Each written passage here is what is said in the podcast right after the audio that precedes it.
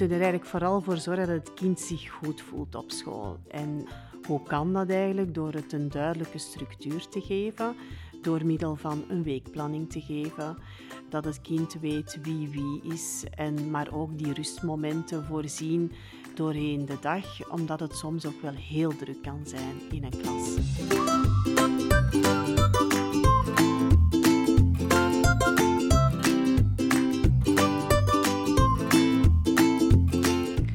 Welkom bij Urban Education, de podcast van het Onderwijscentrum Brussel. Ik ben Sarah Geets en vandaag gaan we het hebben over anderstalige nieuwkomers in de klas. Want stel je voor, groeit op in een land, in een systeem dat je heel goed kent. Je gaat misschien naar school in je eigen moedertaal. En dan moet je ineens van de ene op de andere dag naar school in een totaal ander land in een taal die je misschien nog nooit gehoord hebt en waar je waarschijnlijk niks van begrijpt. Hoe doe je dat? Dat lijkt me echt heel intens om mee te maken. Als jonge mens, om hier zo terecht te komen, maar ook voor de school en zeker voor de leerkracht die zo iemand probeert op te vangen in haar klas. Hoe begin je daaraan? Hoe zorg je dat die leerling een plekje kan vinden op school? Daar gaan we vandaag over praten. En we hebben twee mensen gevraagd die daar al veel over nagedacht hebben en al veel ervaring mee hebben, namelijk Wendy en Linde. Welkom.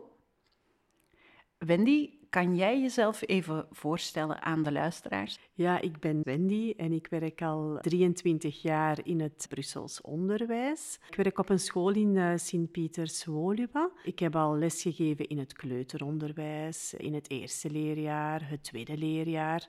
Dan heb ik zorgleerkracht geweest, zowel in basis als in het kleuteronderwijs. Nu werk ik toch al ongeveer meer dan tien jaar als zorgcoördinator.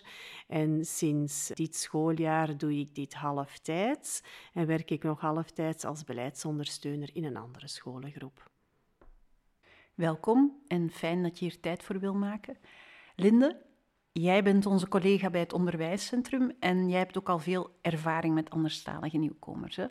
Dat klopt. Ik werk nu ongeveer 22 jaar in of voor het Brussels onderwijs, waarvan 11 jaar in een school en ondertussen 11 jaar als onderwijsondersteuner. En ik heb in mijn klas vroeger wel een aantal anderstalige nieuwkomers opgevangen.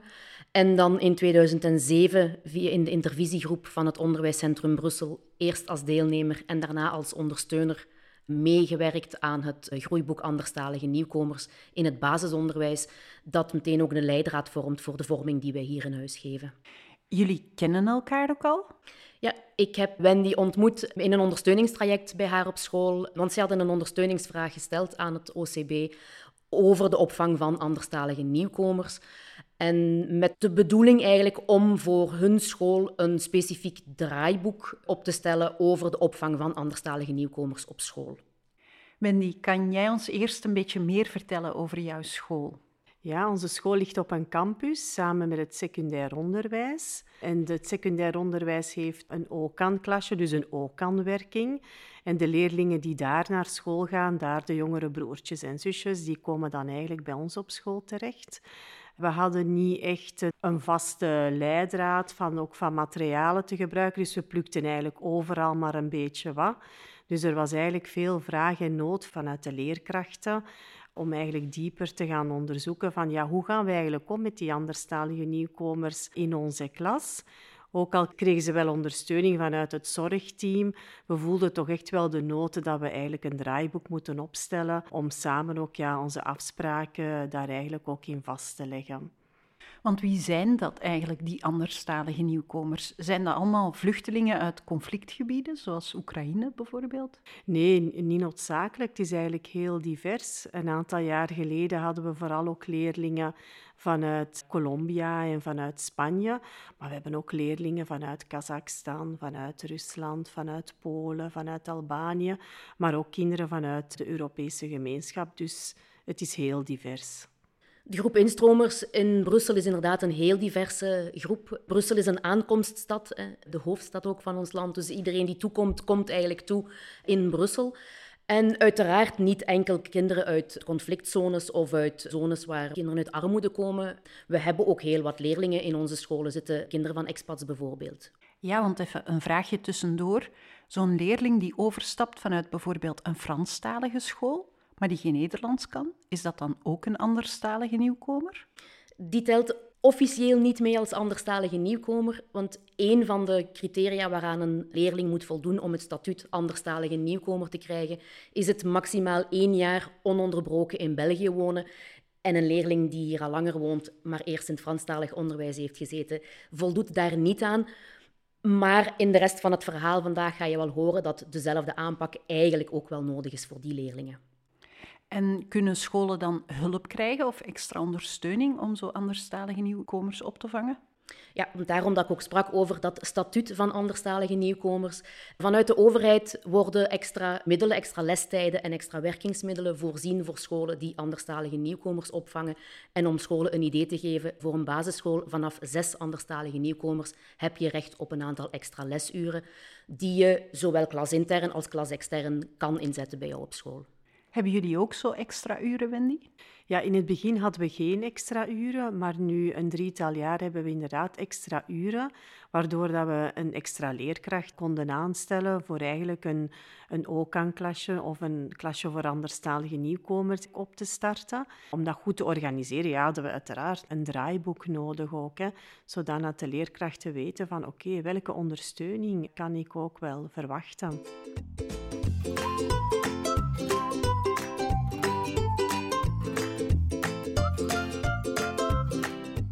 Laten we even beginnen bij het begin. Een gezin komt aan in België. De ouders spreken geen Nederlands, maar die moeten wel op zoek naar een school voor hun kinderen. Hoe doen die dat?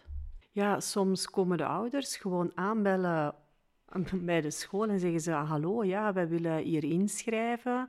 En dan ja, is dat natuurlijk eventjes zoeken naar een oplossing om te communiceren, maar we geraken er altijd wel uit.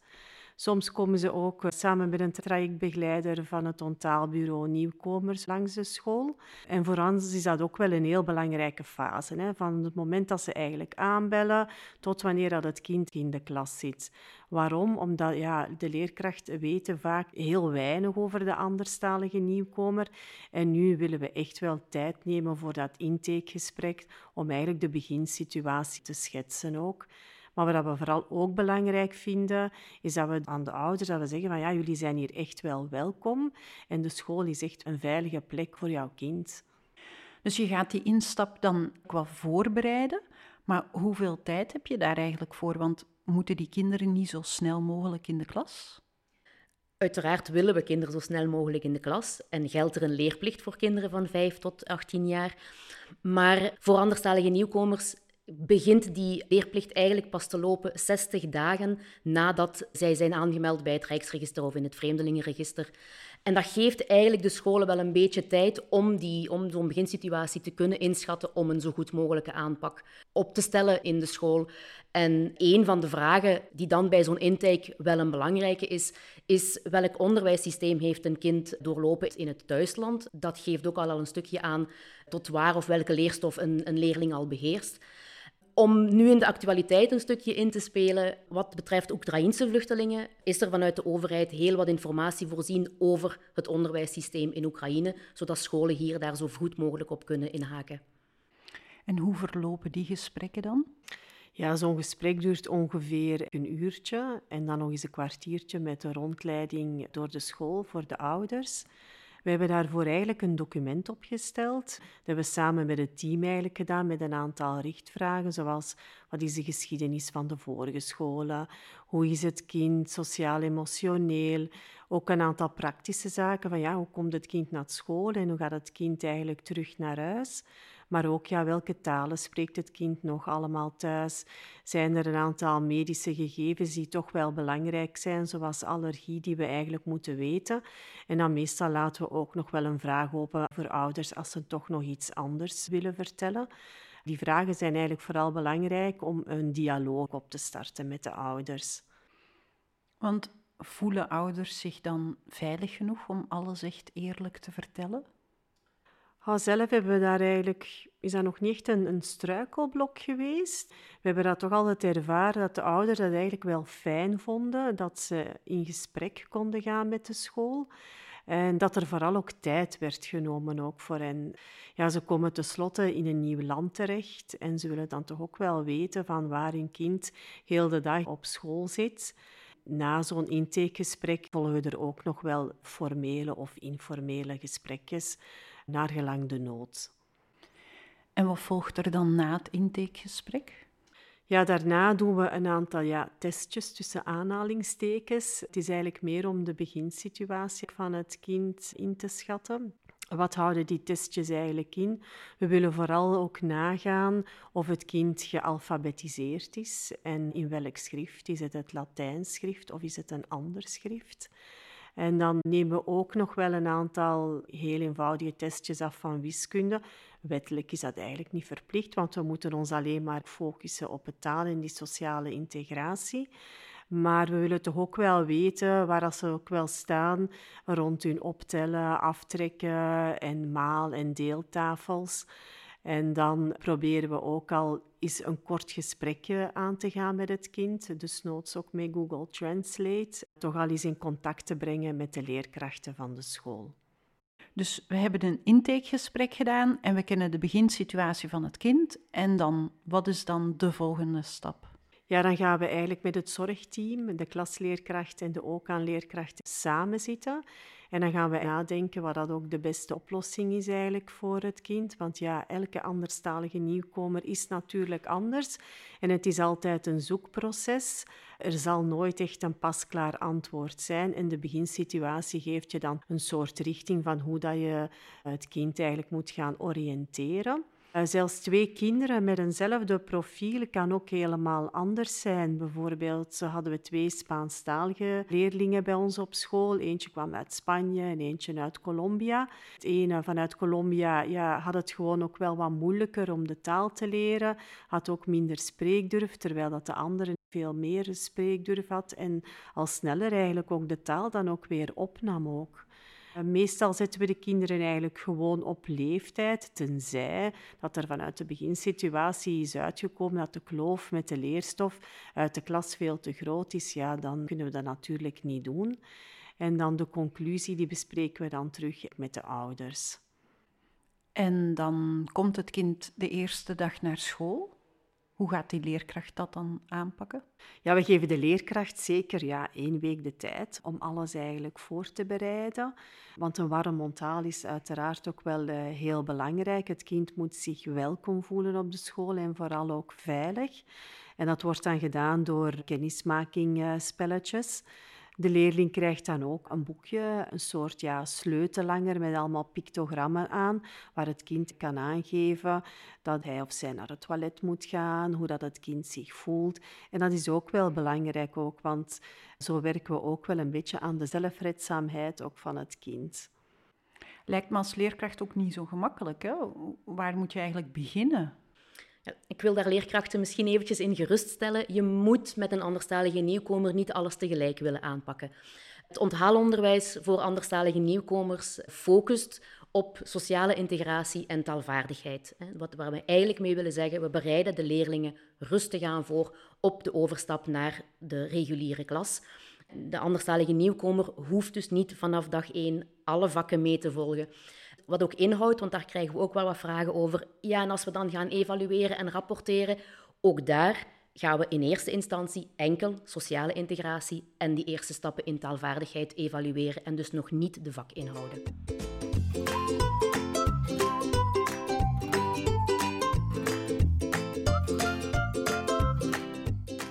Dus ik weet nu welke twee doelen ik moet bereiken, die taalvaardigheid en die sociale integratie, maar hoe doe ik dat dan? Het is maatwerk, begrijp ik, dus er is niet echt een handleiding die ik gewoon kan volgen. Dat klopt. Hoe doen wij dat dan op de school waar ik sta? We hebben dan een apart groepje voor anderstalige nieuwkomers. Wat komt daar eigenlijk vooral aan bod? Is vooral de woordenschat, de starttaal van de Go40. Dat zijn eigenlijk de 40 belangrijkste basiswoorden. Dan wordt er ook gewerkt met themabundels vanuit onze taalmethode, die specifiek gericht zijn voor anderstalige nieuwkomers.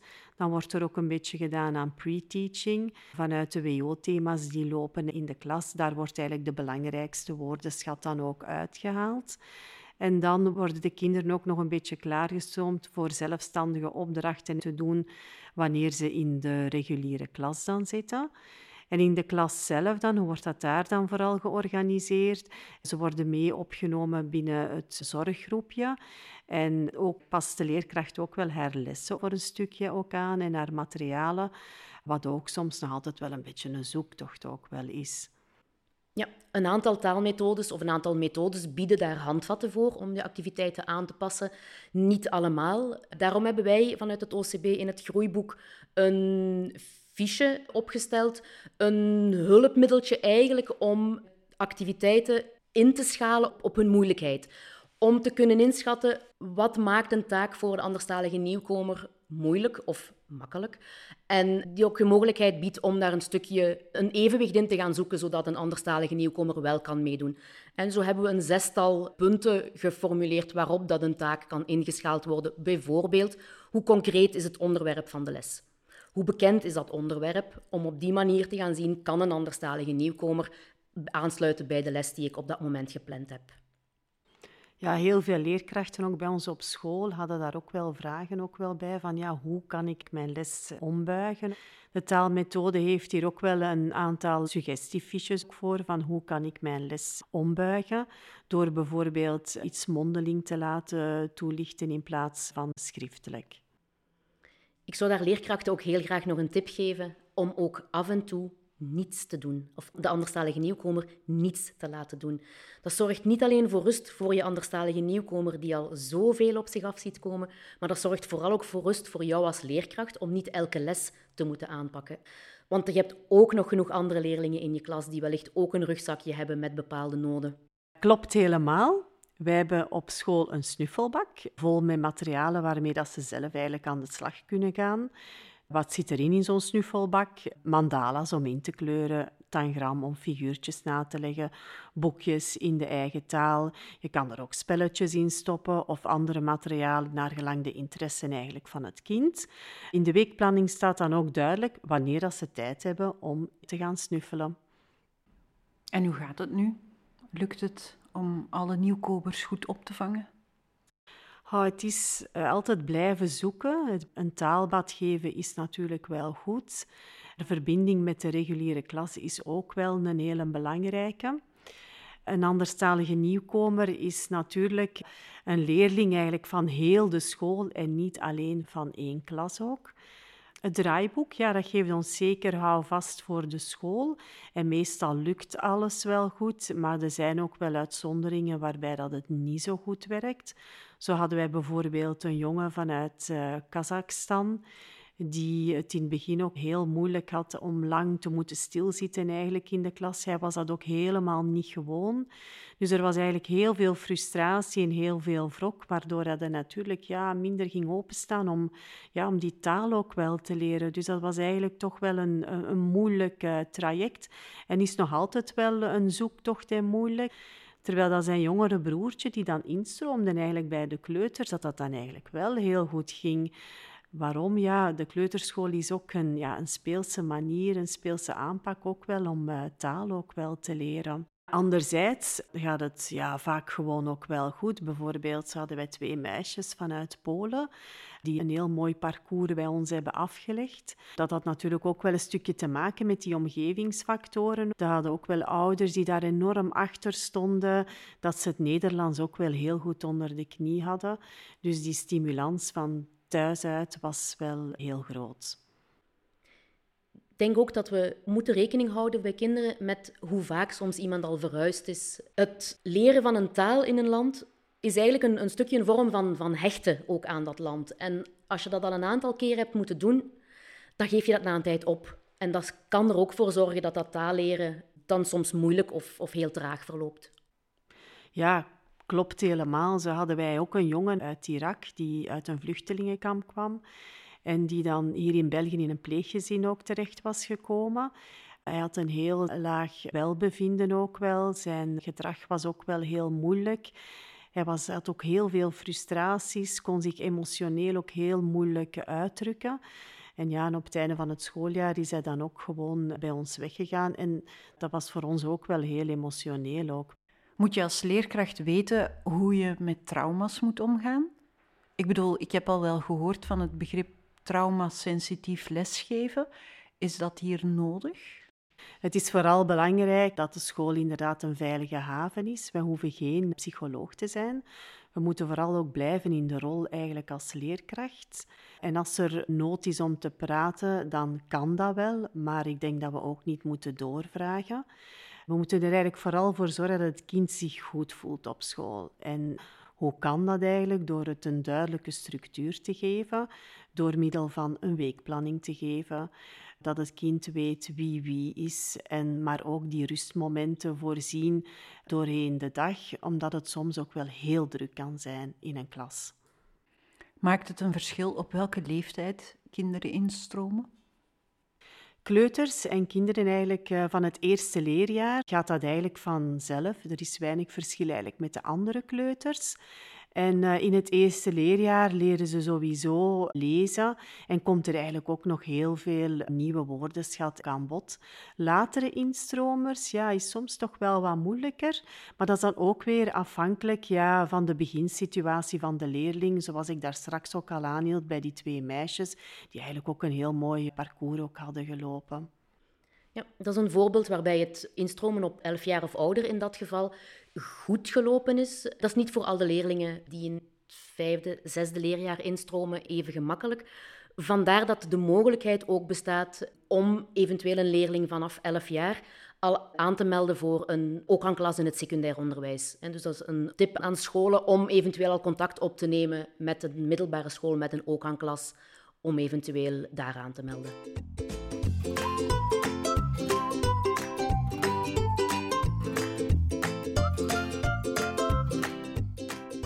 Als ik het mag samenvatten, de belangrijkste punten die ik onthoud zijn enerzijds zo'n draaiboek is een houvast. Dat geeft u een goede basis waarvan je weet, dit werkt meestal. Voor de meeste nieuwkomers is dit een heel goede start.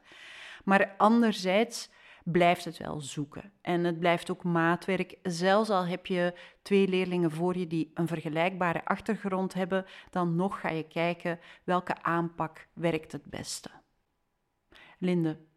Mijn laatste vraag is dan voor jou. Waar kunnen leerkrachten of scholen terecht als ze meer informatie of ondersteuning willen? We hebben vanuit het Onderwijscentrum Brussel een aanbod voor de opvang van anderstalige nieuwkomers. Enerzijds kunnen scholen altijd, zoals de school van Wendy, een ondersteuningsvraag stellen om samen met hen te zoeken hoe we een school-eigen aanpak kunnen uitwerken. Anderzijds hebben we het algemene aanbod waarin een vorming zit voor leerkrachten over die opvang van anderstalige nieuwkomers in de klas. Daarnaast hebben we ook ons leerlabo. Dat zijn jaarlijks twee sessies rond een bepaald onderwerp waarin we samen met leerkrachten zoeken en overleggen naar mogelijkheden om daarmee om te gaan, zoals bijvoorbeeld zelfstandig werk in de klas of evalueren en rapporteren. Over die onderwerpen hebben we het dan samen. En dan is er uiteraard het groeiboek Anderstalige Nieuwkomers in het basisonderwijs, dat je via de website van het OCB kan downloaden. En die link naar het groeiboek en zeker ook naar die fiche met die zes aspecten van een taak, die gaan we zeker ook vermelden in de show notes.